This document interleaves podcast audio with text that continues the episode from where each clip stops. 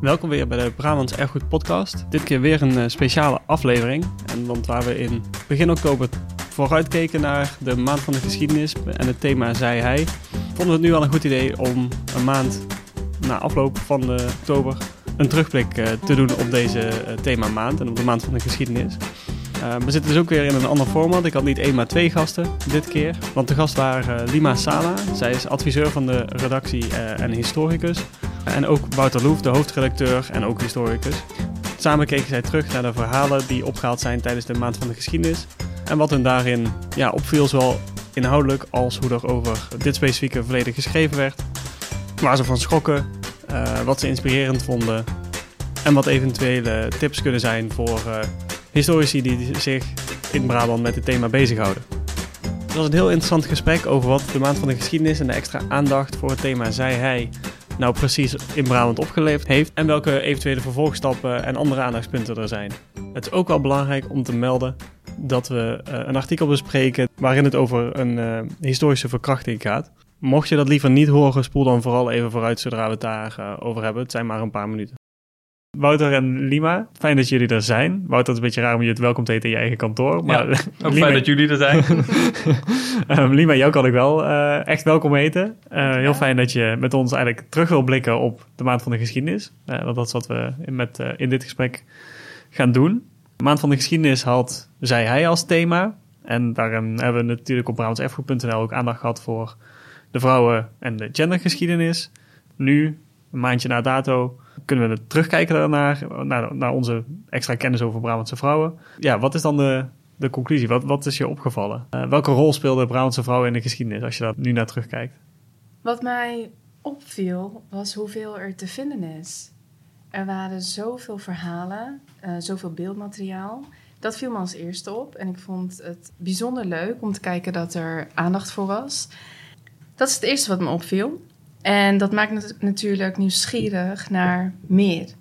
Er is natuurlijk lange tijd minder, in mindere mate aandacht geweest voor vrouwen in de geschiedenis. Maar moet je eens kijken wat er allemaal te vinden is als we een beetje ons best doen. Dat viel me als eerste op. Maar weet je wat me ook opviel? Het leed. Dat raakte me eigenlijk wel. Ik was aan het lezen en ik was aan het kijken. Ik werd heel erg geraakt door het leed van de vrouwen, van de verhalen. En dat deed me wel wat. Het was niet altijd leuk vroeger, hè? Het was niet, uh, het was niet heel erg leuk, nee. nee. Vond jij dat ook? Ja, dat is ook wel wat mij, denk het meeste raakte. En ook de verhalen die me nou ongeveer een maand later nog bijblijven... die gaan deels ook wel over leed... maar ook wel over de, uh, de omgang van vrouwen uh, in die tijd. Dus niet alleen maar lijden, maar zeker ook actie ondernemen. Ja. Um, concreet voorbeeld is het artikel over Petronella Snijders, geschreven door uh, Jacques Snijders. Dat is ook familie. Het is wel een paar eeuwen tussen. um, en juist in dat artikel gaat het over Petronella, een vrouw uit Breda, die uh, als dienstmeisje zwanger wordt van de heer waar het dienstmeisje is. En ze trouwt uiteindelijk ook met hem, maar hij mishandelt haar. Dus op dat moment zou je zeggen: oké, okay, zij is nou op dit moment een slachtoffer. Hij wordt op een gegeven moment daar wel voor berecht en in een instelling uh, gestopt. En op dat moment uh, ontfermt zij zich over het familiebezit. En zij bestuurt dat eigenlijk supergoed, heel erg ja, ja. Uh, effectief. Maar dan zou je zeggen, oké, okay, dat is dan mooi afgerond. Maar zij zorgt er ook weer voor dat hij vrijkomt. En dan komt hij weer, ja, deels bij haar in huis wonen. Maar daar, ja, uiteindelijk loopt ook weer stuk en woont hij ergens anders. En blijft zij wel en zorgen voor de landgoederen. Dus denk ja, dus dat vond ik, dat vond ik echt een heel erg inspirerend of interessant verhaal. Omdat je daar uh, niet alleen slachtoffers hebt, maar zeker ook iemand die onderneemt. En het actief handelen, ja. zeg maar.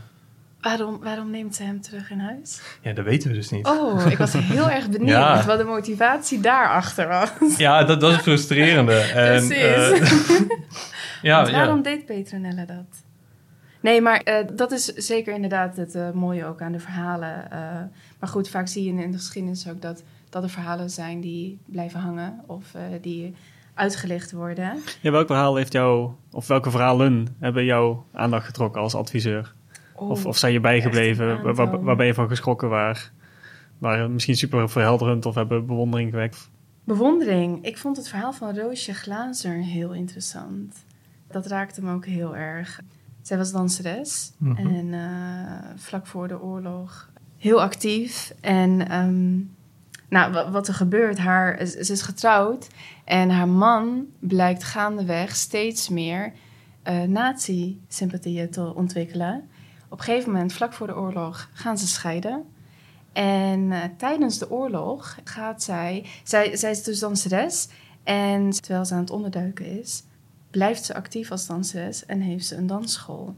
Maar zij wordt verraden door haar ex-man. Hij heeft gewoon letterlijk een brief geschreven waarin zij een, heel bezwaarlijk, maar zij wordt een brutale Jodin genoemd en zij wordt verraden door haar ex-man. Ongelooflijk. Haar verhaal raakte me heel erg, omdat zij op een gegeven moment ook, wanneer ze wordt eh, opgepakt, werkzaam is, nou ja, werkt, gedwongen wordt om in het uh, te werken. Ehm, en die verhalen zijn ook niet heel erg bekend, hè? Überhaupt niet. En daar gaat ze dus, eh, daar wordt ze gedwongen om te werken. Maar echt, dat verhaal is, is ongelooflijk. En uh, nou ja, wat mij altijd raakt in verhalen van vrouwen in de geschiedenis, is de veerkrachtigheid. Want wat jij net ook vertelt, je ziet inderdaad een bepaalde kracht en een bepaalde autonomie. Maar heel vaak wordt het ontwikkeld uit bittere noodzaak. En dat is heel erg. Er is ook wel een rode draad die opgevallen is dat die, dat actieve handelen, ja, wat je zegt, uit noodzaak voorkomt. Dus omdat er anders geen eten op tafel staat of omdat er anders niet overleefd wordt. Ja, of... ja wat Wouter net zei. Um, Petronella moest mm -hmm. ook, die had ook geen keus. Het zijn vaak de omstandigheden inderdaad die daarvoor zorgen. Is dat dan een beetje de ja, tragiek misschien wel van veel historische vrouwen die we nu nog kennen? Is dat ze opvallen omdat ze uit noodzaak dingen moesten doen? We hebben het in, onze, in de, de podcast die de Maand van de Geschiedenis inleidde gehad over eigenlijk het, het, de disbalans van, van mannen die we kennen uit de geschiedenis en versus vrouwen die we kennen uit de geschiedenis. Um, en, en is dat de vrouwen die wij kennen uit de geschiedenis zijn daardoor een soort van extra, misschien nog extra een soort van voorbeeld geworden? Ja, weet je, als ik er nu zo over nadenk, het komt inderdaad veel voor. Uh, maar wat ik net al zei, het zijn juist die verhalen die uitgelicht worden. Ja. Um, misschien moeten we ons ook meer richten op de leuke verhalen, Wouter. Snap je wat ik bedoel? Ja, ja, ja, ja ik snap wat je bedoelt. Uh, ik wil eigenlijk nog één uh, okay. niet zo leuk uh, verhaal. oh, nou. Een van de meest heftigste. Wouter wil er nog wat ellende je, Ja, nou ja, en, de, ehm, en daarna heb ik een heel leuk voorbeeld. Misschien eerst nog even naar het meest gruwelijke voorbeeld dat we hebben. Als je hebt over die omstandigheden, mensen moeten iets doen vanwege omstandigheden. Um, we hebben ook het verhaal van uh, Suze Arts dit jaar gepubliceerd. Het is geschreven door Erik Alink op basis van onderzoek van uh, de heer Olink. En dat gaat over het bunkerdrama in Kamp Vught. Dan zitten we gelijk, hè? Het meest uh, duistere verhaal dat we hebben.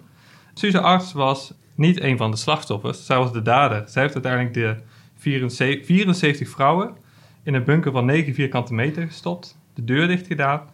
En na 14 uur de deur weer open gedaan, waarna er 10 overleden waren. Ja. En dan, dan heb je natuurlijk wel een moeilijke, uh, een moeilijke vraag, hè, van gedwongen uit omstandigheden. Want zelf zegt ze daar achteraf aan het eind van haar leven wel over dat ze denkt dat het de vernedering tijdens haar, ja, zij zegt dan mijn, hè, dat is haar jeugd was, die me in vucht bracht. Daar was ik met mijn uniform een hele piet. Nou ja, aan de ene kant zou je zeggen, ja, hè, verzachtende omstandigheden, uh, vrouwen worden gedwongen. Aan de andere kant zien we juist in de Tweede Wereldoorlog dat mensen andere keuzes maken. Hoe kijk je daar dan tegenaan? Dat verhaal was zo heftig. 14 uur. In 14 uur zijn 10 vrouwen overleden hè, in die bunker.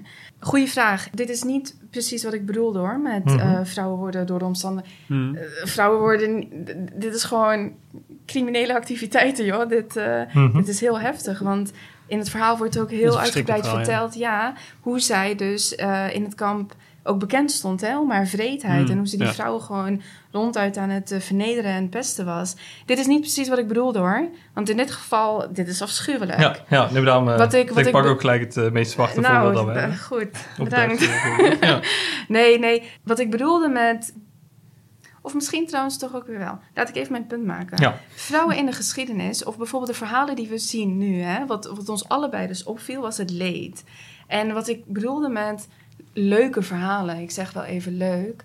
Maar vrouwen, meisjes, uh, jonge dames tegenwoordig... wij hebben goede, sterke voorbeelden nodig vanuit de geschiedenis. representatie daarin is heel erg belangrijk. En als je dan continu vrouwen uitgelicht krijgt die door bittere noodzaak eigen autonomie hebben ontwikkeld of, uh, of uh, het heft in eigen handen Mhm. nemen, dat doet iets met je beeldvorming als vrouw. Dat is wat ik bedoelde. Dus als je dan verhalen uitlicht die alleen maar kracht, alleen maar positiviteit uitstralen, dat doet iets met de representatie van vrouwen in de geschiedenis. Dat is wat ik bedoelde. Dit verhaal, dit is crimineel. Dit, ik vond het heel heftig. Ik vond het ook heel erg opvallend wat ze zei van, het komt door mijn jeugd, want dat werd verder niet toegelicht. Want je zei, ze is geen slachtoffer, ze is een dader.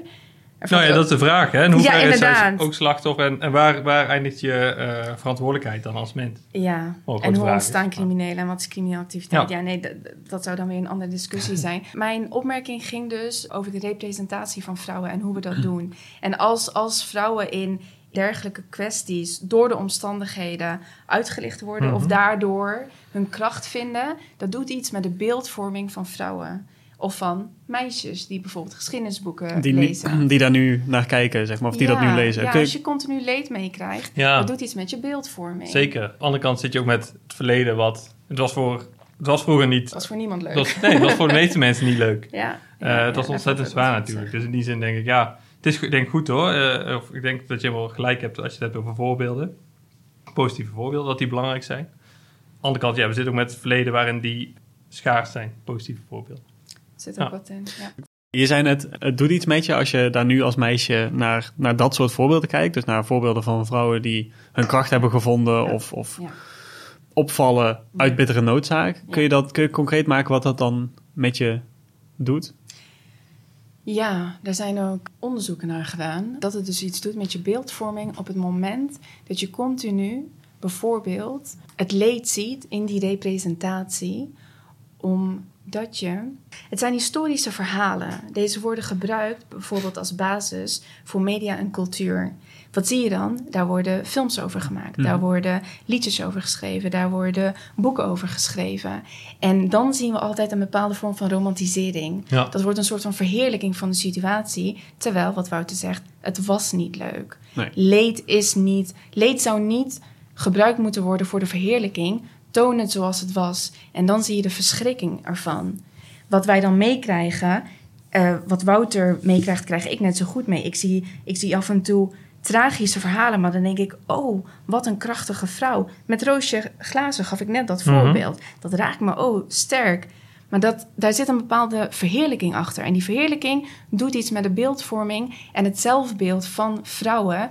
Want je associeert je leven daardoor steeds sterker eh, in, in, in combinatie of in verhouding tot dat leed. Mhm. Ik moet mezelf bewijzen als ik een bepaalde mate van leed kan verdragen, bijvoorbeeld. Daar zou je kracht niet in moeten schuilen. Kijk, het leven is zo natuurlijk. Het daagt ons allemaal Mhm. uit. Je hebt goede tijden, je hebt mindere tijden. En je moet, eh, je moet jezelf nu eenmaal soms bewijzen. Maar continu verheerlijking van leed van vrouwen eh, in, in media en in cultuur, in geschiedenis. Dat kan, als het structureel gebeurt, een probleem vormen. Wat bedoel je dan met verheerlijking? Romanticizing, bijvoorbeeld, bijvoorbeeld Hollywoodfilms, waarin Ja. je continu leed ziet en dan een, een, goed einde of overwinning. Ja. Maar in werkelijkheid, we hebben dan een voorbeeld van, noem iemand op, Maria van Antwerpen of, of Roosje Glazen, dat ik daar iets positiefs uit haal of wat jij Ja. doet in de verhalen. Maar in werkelijkheid is het gewoon pijn en verdriet. Het is verschrikkelijk geweest. En op het moment dat bijvoorbeeld Hollywood daar dan gebruik van maakt... Mhm. door een, een film van overwinning over te maken... is dat het laatste wat je meekrijgt. En ik denk dat daar voor mij het grootste probleem in schuilt. Dat we dan weggaan met een gevoel van overwinning. Nee, we moeten kijken naar het kern van het probleem. Het kern van het probleem zit hem erin... dat we als samenleving falen in bepaalde Mhm. kwesties. Dus de, dat gevoel van overwinning kan, als je het in het heden hebt, zeg maar een soort van... Ver- Overheersen. ja, of een verplichting worden voor als inspiratie, zeg maar. Van, oh, Precies. eh, want het kan zijn dat je in het nu bijvoorbeeld eh, door een slechte tijd gaat die misschien niet afloopt zoals je aan het begin hoopte dat die afloopt. Terwijl dat in de film van de inspirerende vrouw die je hebt gezien wel gebeurt. Dat is eigenlijk de... Of dat je daardoor te veel focust op het positieve en niet focust op het probleem op, oh, en, en daarover gaat nadenken als Ja, publiek. exact. Ja, een, een- breder maatschappelijk probleem of wat dat, ook, wat dat dan ook zou, zou kunnen zijn. Ja, want als ik dat nog even mag toevoegen, wat Mhm. mij ook nog opviel, hoeveel ik herken in de verhalen van wat ik tegenwoordig nog tegenkom. Snap je Ja. wat ik bedoel? Ja, het is meer als... Ook, nee, nou, bijvoorbeeld. Maria van Antwerpen. Dat, Misschien even goed om te zeggen, hè, voor de mensen die het niet weten. Een, eh, een vrouw uit Breda. Zij ging het leger in. Maar dat kon natuurlijk niet. eh, als je gewoon als vrouw eh, kon je niet zomaar aanmelden bij het leger. Dus ze verkleedde zich als man. Aanvankelijk. ja, als Ehm, ja. aanvankelijk was ze verkleden. Later, want dat mocht natuurlijk niet. Hè, eh, volgens de normen van die tijd. Zegt ze volgens mij in een rechtszaak dat ze zich ook meer man dan vrouw voelde. Ja, ze Ja. wordt een paar keer betrapt en uiteindelijk komt ze in, de- in de rechtbank terecht, inderdaad. En daarom hebben we dit soort ja, super interessante ego-documenten waarin, waarin ze inderdaad dat gezegd zou hebben in die, eh, in die rechtszaak. Ja. En drie keer getrouwd geweest, hè? Ja. Waardoor we dus inderdaad ook documenten hebben. Maar dat verhaal, dat, dat heeft dus te maken met, met haar gender, met haar Mhm. seksualiteit, met eh, transseksualiteit. Want inderdaad, ze, ze zegt dus, als je het vrij vertaalt van dat ze in het verkeerde lichaam geboren zou zijn. Dat zijn hele relevante kwesties Mhm. voor, voor nu. Dat is ook iets wat me opviel. Dat ik verhalen las en dacht van, hé, hey, dit speelt nu nog steeds. Daar zijn we als samenleving nog steeds niet over uit. En als samenleving hebben we nog steeds eh, Geen oplossing of geen of oplossing. en mensen die hiermee worstelen. Ja, ja, precies. Wat we wel hebben opgelost is het eh, volksgericht. Dat viel mij op in de, We hebben een aantal verhalen waar volksgericht in voorkomen. en wat je zegt, aan de ene kant werkt het verleden als een soort van herkenning van problemen waar we nog steeds mee zitten. Aan de andere kant heb ik, als ik dit soort verhalen lees, ook soms heel erg vervreemding van het verleden. Dat je denkt, ja, het is echt een andere tijd. Bijvoorbeeld het berenjagen in Veghel. Een collega van ons, Rolf Vonk, heeft daarover over geschreven. Wat daar gebeurde was, als een vrouw werd verdacht, het, het ging nog niet eens over of je het echt deed, verdacht werd van onzedelijk gedrag, dus overspel of eh, tippelen, dan kon je als vrouw zomaar touwen om je middel gebonden krijgen door negen mannen, jonge mannen, en door de vijvers worden gesleept. En dan ook nog eens door de lokale rechtbank worden vrijge, vrijgesproken. Ehm, De, de mannen de mannen. de mannen, ja, ja, ja, ja, de vrouw niet. Maar de vrouw is uiteindelijk wel vrijgesproken. Want de rechtbank in eh, Den Bosch was het niet eens met de rechtbank in Veghel. Dus ze zijn uiteindelijk een hoger beroep gegaan. En zij is vrijgesproken van het onzedelijk gedrag. En die jongens zijn wel bestraft.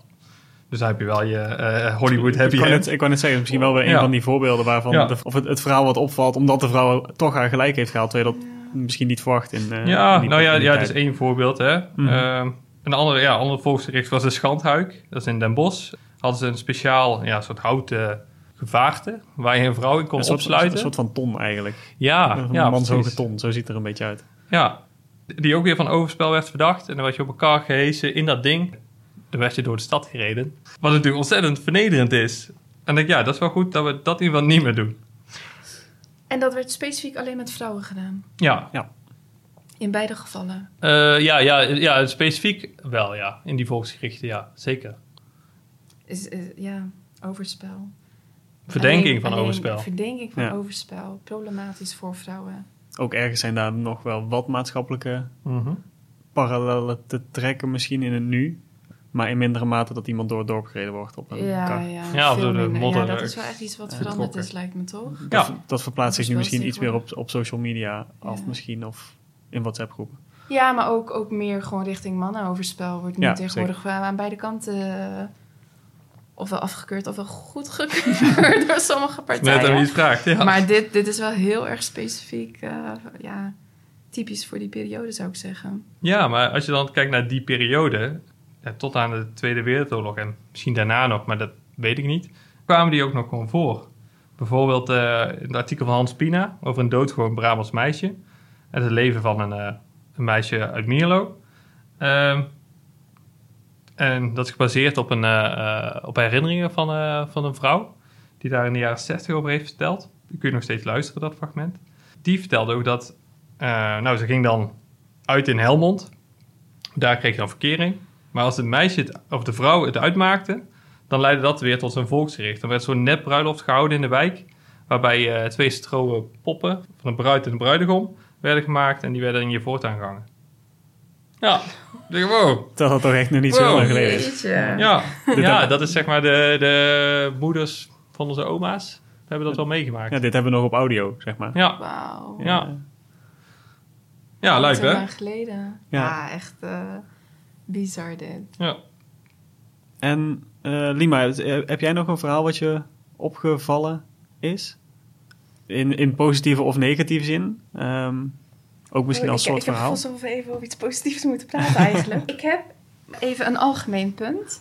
ja, zeker. Ehm, Je hebt natuurlijk ook eh, op, als, als onze adviseur gekeken naar wat wij uitgesproken hebben eigenlijk in, eh, in oktober. ja, ja wat, eh, wat er allemaal hier is eh, Mhm. gebeurd. Even heel, heel streng naar gekeken.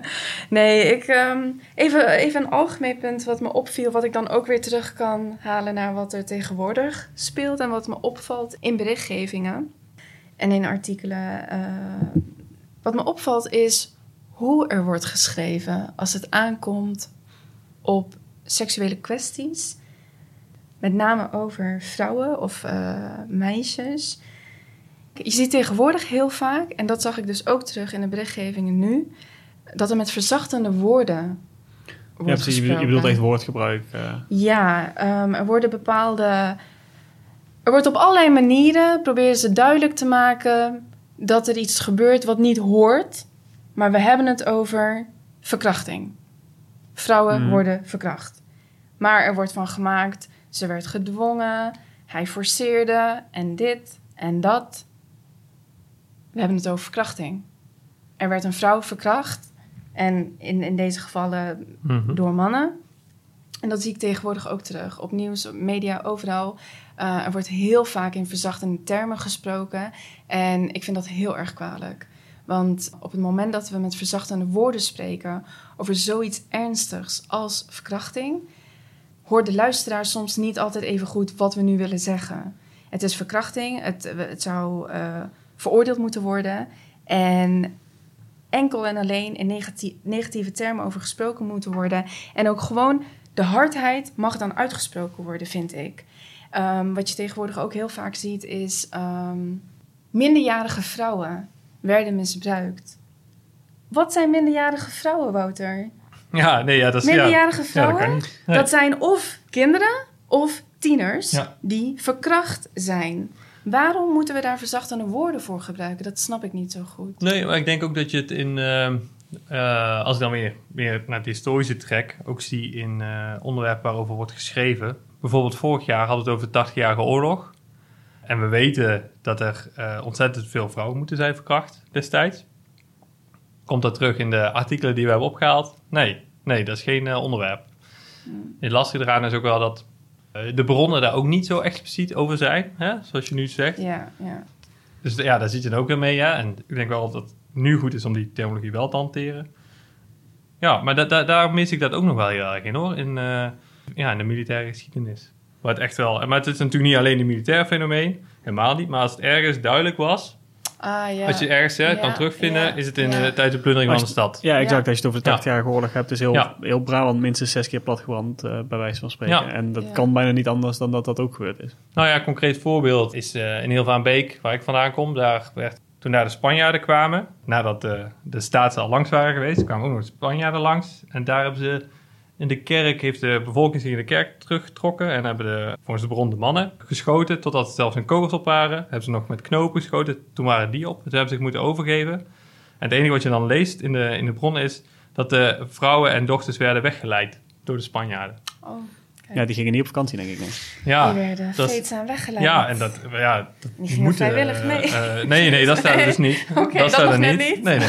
Maar ja, je hebt dan alleen dit, weet je wel. En dan, ja, ja, ja, ja. waarschijnlijk zijn die verkracht, ja. Maar nou, niet, eh, wat je net zei is dan wel interessant natuurlijk. Want inderdaad, in de bronnen wordt het natuurlijk ook niet Mhm. altijd even duidelijk Mhm. vermeld. Eh, daar hebben we ook nog rekening mee te houden. Maar ik vind dat we dan als historici wel een verantwoordelijkheid hebben in...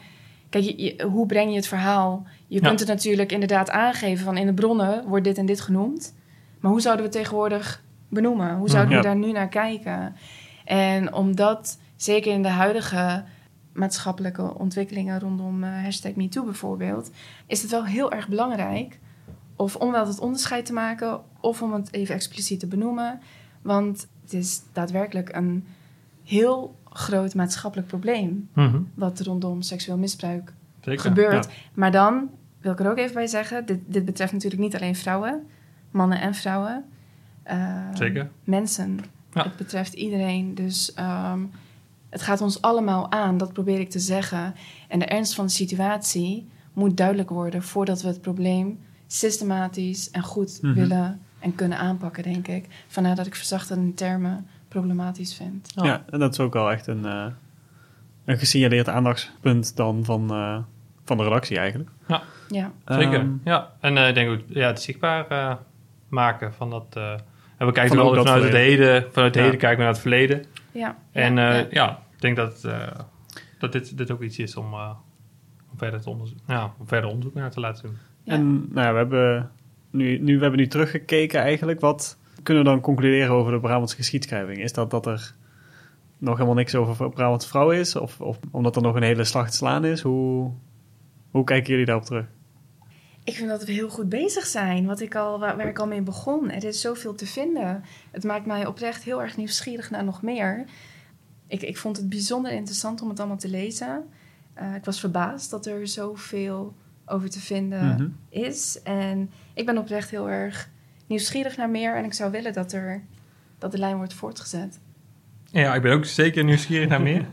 Bij mij is opgevallen de, de verschillende rollen. Want ik dacht eerst van oké, hè, we gaan dan verhalen ophalen over, eh, eh, over vrouwen uit het Brabants verleden. En dan zullen het vooral wel adellijke vrouwen, vrouwen zijn. Hè, want dat zijn natuurlijk Ja, degenen waar je bronnen ja. van hebt. Mhm. Ja. Maar dat blijkt eh, helemaal niet zo te zijn. Nee, Ja, ja. ik denk dat we er drie, ja, drie Klopt. van de, van de, hoeveel van de 35 eh, zijn ik Zijn van adel? Of, ja. vier. hebben of iets met adel te één maken. specifiek artikel over adellijke vrouwen.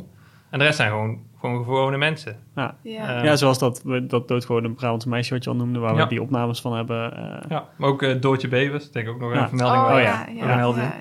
Eh, en sowieso zijn er heel veel andere die verdienen om genoemd te worden. En, en een hele algemene thema's ook. Dat vond ik ook heel erg leuk. Een artikel over periodieke onthouding. Mhm.